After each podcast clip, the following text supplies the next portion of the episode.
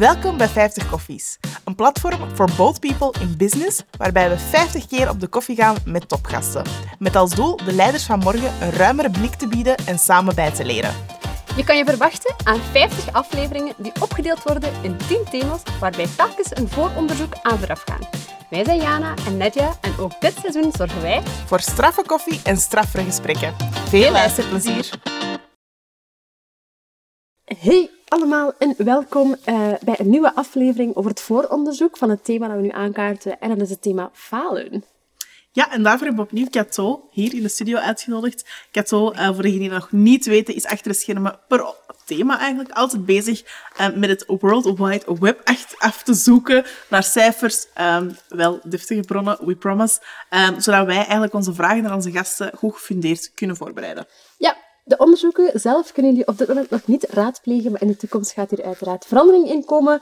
Ehm, wij hopen daar heel snel veel meer info over te kunnen delen. Maar vandaag beginnen we eh, bij het thema falen en gaan we heel even kijken naar wat de achtergrond is en wat de cijfers en ehm, ja, de context in onze maatschappij over falen is en inhoudt. Ja, en we beginnen daarbij helemaal bij het begin. Want het woord falen, we, we kunnen er misschien allemaal gevoelens bij hebben, maar wat zegt het woordenboek eh, daarover? Ja. Ehm, als we het hebben over falen, dan gaat dat eigenlijk over tekortschieten in het algemeen. Dus mislukken of het doel dat je vooropgesteld had, dat je dat niet bereikt. Dat is voor veel mensen eh, falen. Ehm, meestal gaat dat, kunnen we dat ook zien als het tegenovergestelde van succes. Oké. Kort gezegd. Oké. En ehm, zegt het woordenboek iets over welke context dat, plaatsvindt? Is dat altijd zakelijk? Kan dat privé zijn? Nee, je kan inderdaad op veel verschillende vlakken falen. Dat is natuurlijk voor iedereen anders, maar je kan falen op, persoonlijk vlak. Eh, bijvoorbeeld als je verslaafd, bent- verslaafd bent geraakt aan, aan drank of aan drugs of zo. Je kan falen in relaties, als een relatie stuk loopt door overspel bijvoorbeeld. Of je kan eh, op professioneel vlak falen als je bedrijf failliet gaat, bijvoorbeeld door een, een fout of zoiets. Ehm, het is wel zo dat voor iedereen de grens anders ligt en iedereen ehm, omschrijft falen ook op een andere manier. Oké, een heel persoonlijke ervaring dus met het woord falen. Absoluut. Ehm, maar als we dan toch eens gaan, gaan kijken naar de maatschappij, wat dat vandaag bij ons in België is. Ja, falen is inderdaad voorlopig in België dan eh, nog wel een taboe.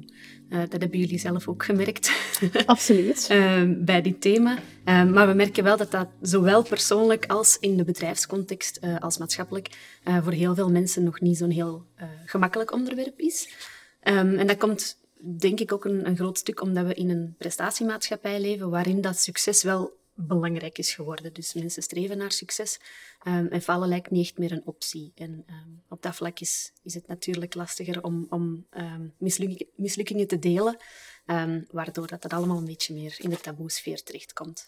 Ja, en België is ik daar bovenop ook een heel risico-avers land in het algemeen, denk ik. Hè? Klopt, klopt, Ja. absoluut. Als we dan gaan kijken naar, naar falen in onze maatschappij, wat zouden we beter kunnen doen om falen wel te stimuleren? Ehm, ik denk niet dat er één antwoord is op die vraag, eh, zoals je waars- waarschijnlijk al verwacht had. Ehm, maar ehm, wat dat heel mooi in de podcast met Celia Feitons ook naar boven kwam, is dat er eigenlijk verschillende eh, lagen zijn waarop gewerkt moet worden. Dus eh, als we eerst en vooral kijken naar de maatschappij, naar de overheid, dan zien we dat er wel ehm, wetten zijn gekomen, nieuwe wetten, een aantal jaren geleden, om eh, ondernemers die falen wel een tweede kans te geven, om, die echt, eh, om ervoor te zorgen dat zij niet de rest van hun leven een, een faillissement meenemen. Eh, dus dat is heel belangrijk, maar ehm, zoals zij ook al aangaf, dat verandert niet alles natuurlijk. Daarmee is niet heel het taboe weg. En dat taboe zit ook nog wel ingebakken bij bedrijven en bij individuen. En daar is het wel heel belangrijk dat we, dat we zelf als persoon, maar dat we ook in de bedrijfswereld het, dat taboe gaan doorbreken. Dat we ook anders gaan leren kijken naar mislukkingen, naar ehm, dingen die niet gaan zoals gepland. Dat is wel belangrijk, ja. Oké, en bij falen hoort, hoort natuurlijk faalangst eh, ook. Ehm, ja, we spreken over angsten, dus iets wat je zo eventueel zou kunnen tegenhouden om dingen te doen. We beginnen bij het begin opnieuw. Eh, misschien welk type faalangsten zijn er allemaal? Ja, Ehm, er worden eh, meerdere soorten faalangsten omschreven, maar eh, in het algemeen zijn er drie verschillende types. Eh, eerst en vooral heb je cognitieve faalangst. Ehm, dat is de faalangst die gepaard gaat met leren, bijvoorbeeld. Um, ieder van ons kent dat wel waarschijnlijk op de middelbare school. Heel goed. Ehm, ja, en eh, cognitieve faalangst die kan ervoor zorgen dat je de zenuwen krijgt, waardoor je de leerstof die je geleerd hebt niet meer kunt reproduceren. Maar ook, dat kan in intense gevallen ook leiden tot blackouts en zo.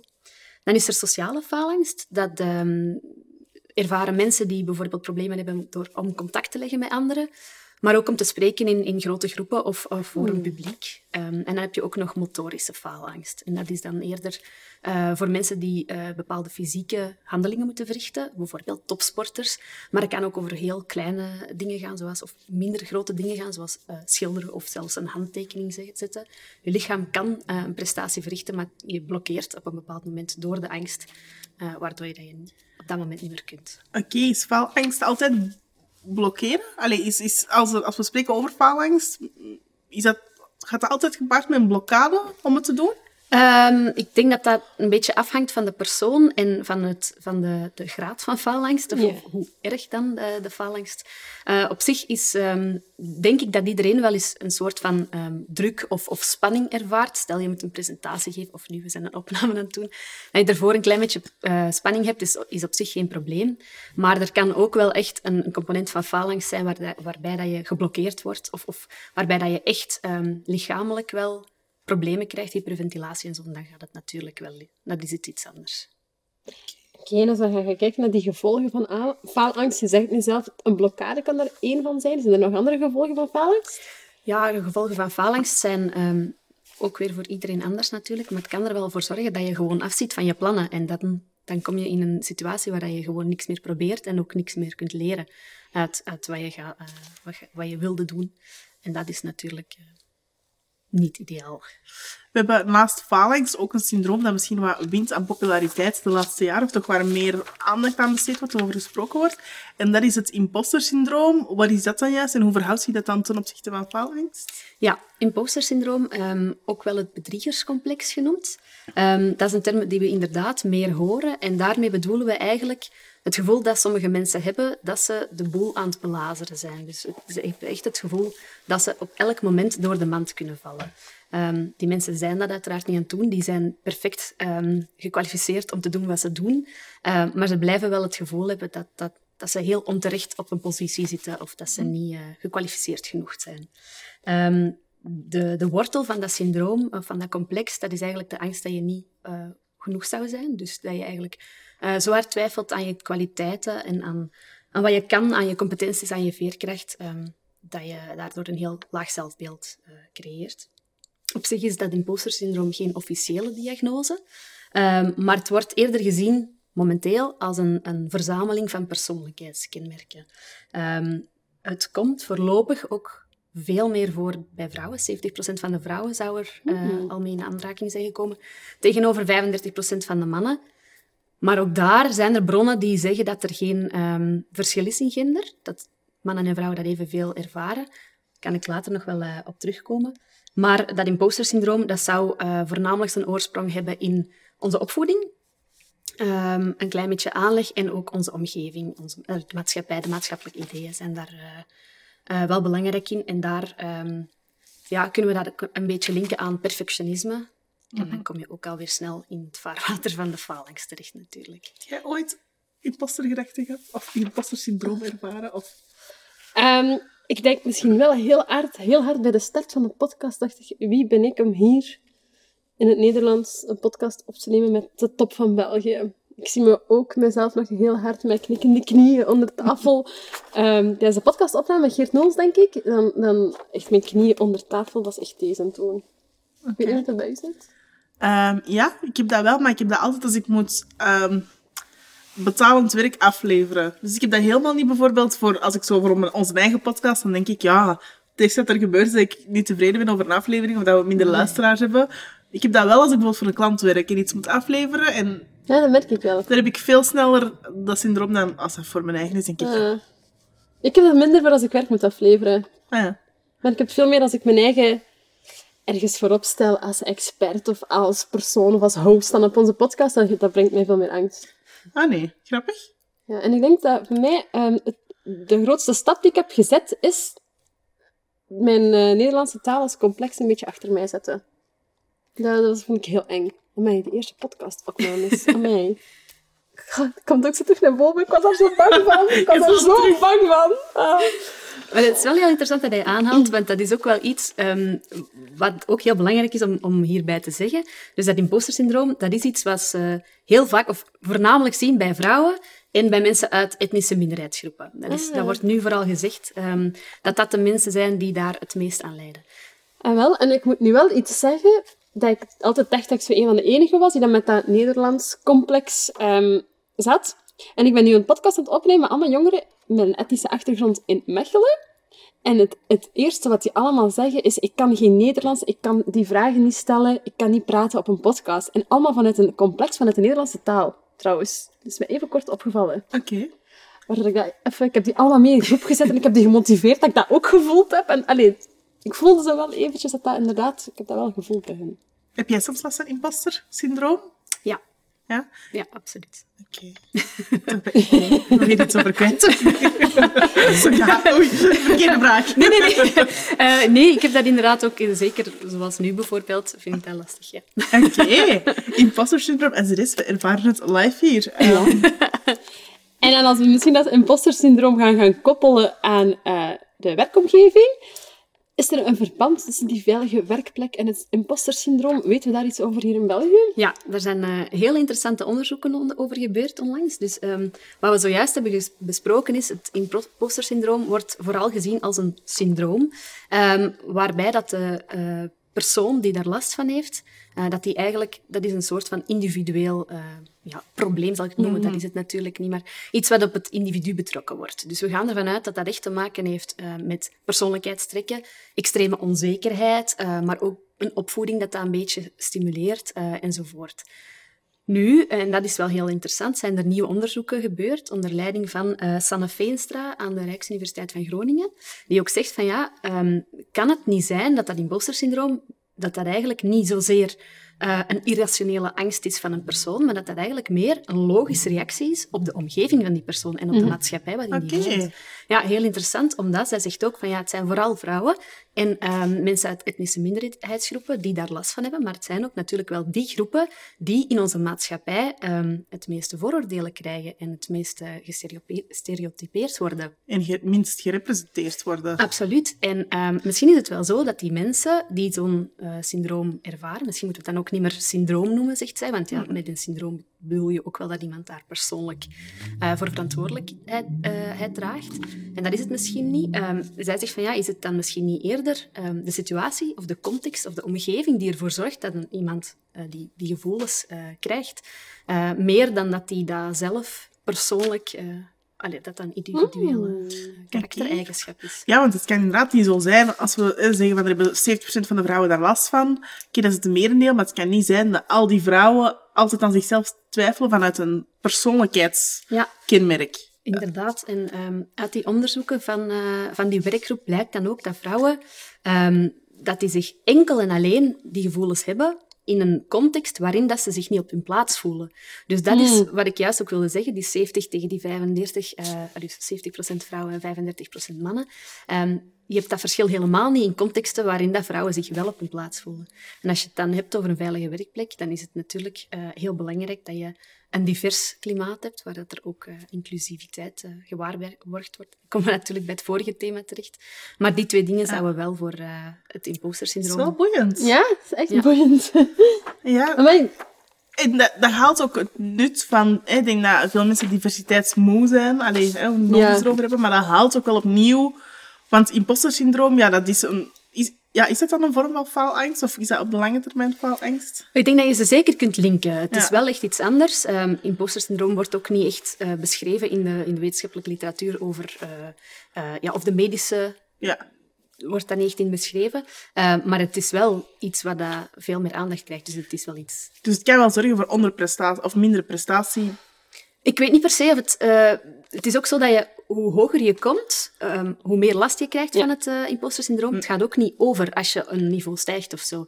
Ehm, dus ik weet niet per se of je daardoor minder gaat preste- presteren, maar ik neem wel aan dat impostersyndroom en faalangst wel eh, Ja. een heel belangrijk Want je faalangst, inderdaad, dat neemt weg op het moment dat je de stap dat wel zet en je uit je comfortzone gaat en je doet het, dan, oké, dan vermindert die angst wel. En dat is wel wel het tegenovergestelde met het impostersyndroom, dat hoe meer dat je bereikt en hoe hoger aan de top dat je geraakt binnen een bedrijf- of binnen je eigen bedrijf, dat dan het impostersyndroom eigenlijk erger Ja. wordt. Hè?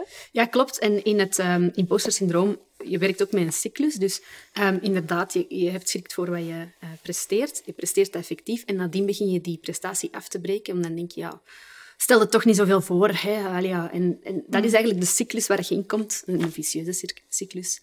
ehm, als je last hebt van die Ja. bedriegersgevoelens.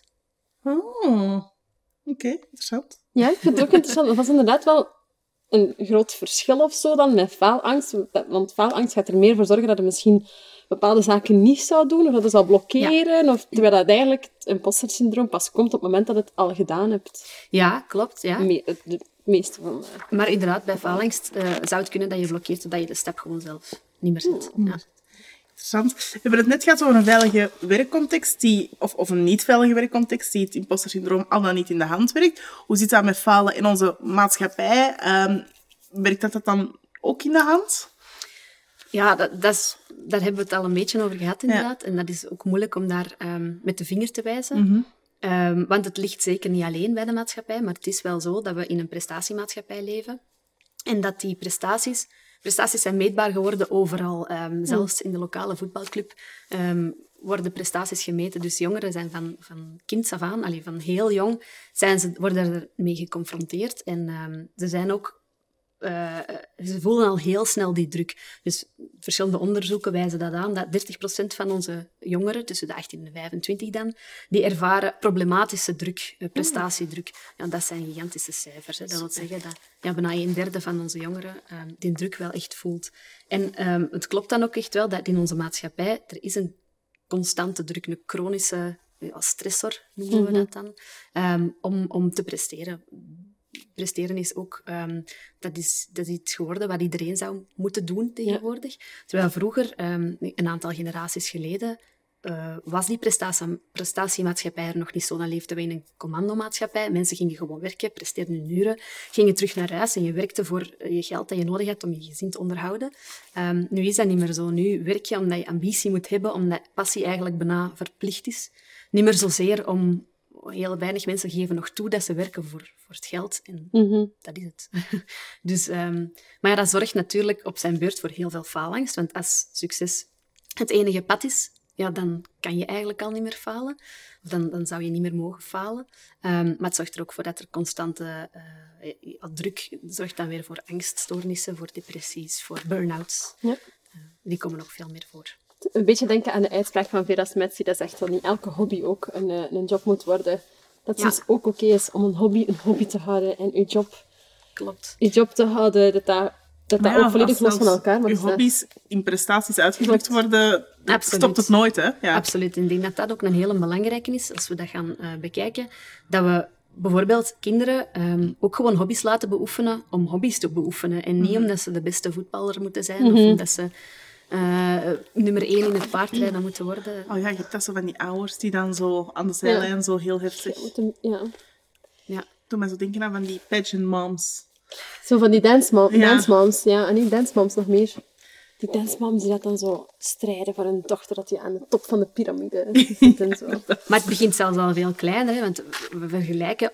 Onze baby's bijvoorbeeld worden al allemaal vergeleken. Die worden al gemonitord qua gewicht en wat kunnen ze al op welke leeftijd. En daarmee Ja, creëert Dat je eigenlijk een... een Allee, dat is natuurlijk ergens goed, hè, maar... Maar dat is inderdaad zo. Je merkt dat ook al wil je dat niet doen, dat je er bewust van bent, je doet dat toch. Ja, omdat het zelf zo in je, automatisch, allez, in je automatisch proces zit. En bepaalde dingen moeten ook gemonitord worden. Hè. Er zijn dingen die heel belangrijk zijn om bij te houden, maar daar zit zo ergens een discrepantie in. Het is moeilijk om daar de grens te zoeken. Absoluut.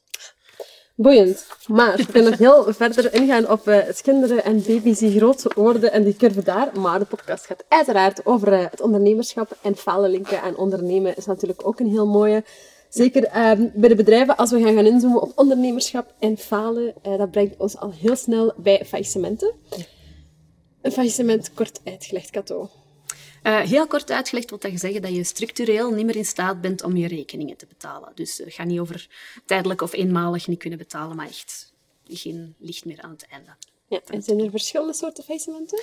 Ja, uh, grofweg kan je failliet gaan als natuurlijke persoon of als vennootschap. Um, als je als natuurlijke persoon failliet gaat, dan wil dat zeggen dat je eigenlijk volledig aansprakelijk bent um, en dat je al jouw activa in dat faillissement betrokken kunnen worden. Je hebt daar wel het voordeel dat de overheid um, eenmanszaken bijvoorbeeld en ondernemers in die eenmanszaken uh, wel wil beschermen en ook een tweede kans wilt geven. En dan kan je uh, na een faillissement ook uh, kwijtschelding van de restschulden vragen. Wat ervoor zorgt dat je een bepaald deel van je schulden kan laten, niet alles natuurlijk, um, waardoor dat je ook gewoon met het schone lijk kunt beginnen. En bij een vennootschap, uh, als je daarmee failliet gaat, dan hangt het natuurlijk af van de aansprakelijkheidsvorm ja. Mhm. dat je hebt met je vennootschap. Hoe zit het met faillissementen in ons land? Gebeurt dat vaak? Komt dat veel voor? Komt dat niet veel voor? Um, als we de cijfers van vorig jaar erbij nemen, dan waren er in 2021 6500 faillissementen. Um, als we dat vergelijken met daarvoor, uh, de jaren daarvoor waren er nog wel wat meer. 20, uh, 2020 waren er 7000, um, in 2019 10.000. Dus het is wel een beetje gestegen. Maar ja, komt dat misschien met de coronacrisis en de maatregelen? En, uh... Ja, er zijn natuurlijk veel meer bedrijven over kop. Allee, het is natuurlijk een uitzonderlijke periode. Nee, goed. Um, zijn er heel veel, allez, zijn er heel veel vooroordelen over failliet gaan eh, met het bedrijf? En zo ja, misschien wat zijn de meest voorkomende vooroordelen? Ja, er zijn er nog wel wat. Um, als je dat opzoekt, dan merk je ook dat er nog heel veel uh, leeft daar rond. Um, maar met die wet die veranderd is, of die wetten die veranderd zijn uh, in 2018, um, ehm, zijn er wel een aantal dingen veranderd. Dus veel mensen denken bijvoorbeeld dat als ze failliet zijn gegaan, dat alles wat ze nadien gaan verdienen, enkel maar zal dienen om uh, de schulden van de eerder faillissement uh, te dekken. ik zou dat ook wel denken. Ik zou ook denken. Dat dan zo allemaal automatisch ingehouden wordt door de staat ja. of zo. Dat is niet altijd meer waar. Dus um, ja. nu kun je inderdaad na je faillissement kun je een kwijtschelding vragen. Um, dat betekent dat, dat die restschulden worden wegge uh, mm -hmm. of kwijtgescholden. Um, en op zich kan je na je faillissement, als je een nieuwe activiteit begint, kan je dat wat je daarmee verdient ook behouden. Dat gaat dus wel effectief over nieuwe activiteiten. Dus niet wat je nog verdient nee. met nog wat eruit nee. voortkomt. Maar, hmm. um, en zo zijn er nog veel andere uh, vooroordelen. Hè. Mensen denken dan bijvoorbeeld ook um, dat ze nooit meer een lening zullen kunnen krijgen. Ook dat is niet waar. Uh, klopt dat je soms wel op een, uh, op een soort van um, verdachte lijst geplaatst kan worden. Maar ook daar weer, als je een kwijtschelding krijgt van je, van je rechtsschulden, dan zou je in principe een nieuwe lening moeten kunnen afsluiten. Hoe gemakkelijk dat, dat is in de praktijk, dat is een ander verhaal. Ja. maar um, volgens die wetten zou dat wel allemaal moeten kunnen. En als je dan zegt lening afsluiten, bedoel je dan persoonlijk of zouden we ook een lening kunnen aangaan nog voor een volgend bedrijf? Ja, absoluut. Bijna. Dat zou in principe mogelijk moeten zijn. Ja. Um, maar da ook daar is het zo dat... Um, dus die kwijtschelding moet allemaal afgerond zijn. Je kan natuurlijk niet lenen als er nog een lening of, of mm -hmm. uh, restschulden openstaan. Um, maar met die kwijtschelding zou dat mogelijk moeten zijn. Um, maar daar is het ook een beetje goodwill van de bank. De bank, ja. En buiten het financiële aspect, als die lening krijgen, hoe gaat het er in België aan toe als we failliet zijn gegaan en we willen een tweede zaak oprichten? Is dat dan toch gemakkelijker dan, het, dan we denken misschien? Um, ik denk dat daar nog een klein verschilletje zit in de praktijk en de theorie. Mm -hmm. um, maar op zich zou het voor ondernemers die ter goeder wil uh, failliet zijn gegaan, dus die niet, uh, waarbij het faillissement, ja. faillissement niet te linken is aan fraude of aan, aan uh, kwade wil, zou dat in principe mogelijk moeten zijn. Hè? Dus je zou um, zeker en vast een nieuwe zaak moeten kunnen starten. En is dat Weet je dat, dat ongelimiteerd is? Als ik drie keer failliet ben gegaan, kan ik dan nog een vierde keer een zaak openen? Um, Dat weet ik niet juist, maar ik veronderstel wel... Um, normaal gezien, die kwijtschelding van de schulden waar we het al over hebben gehad, dat is een, een gunst die je sowieso moet kunnen krijgen.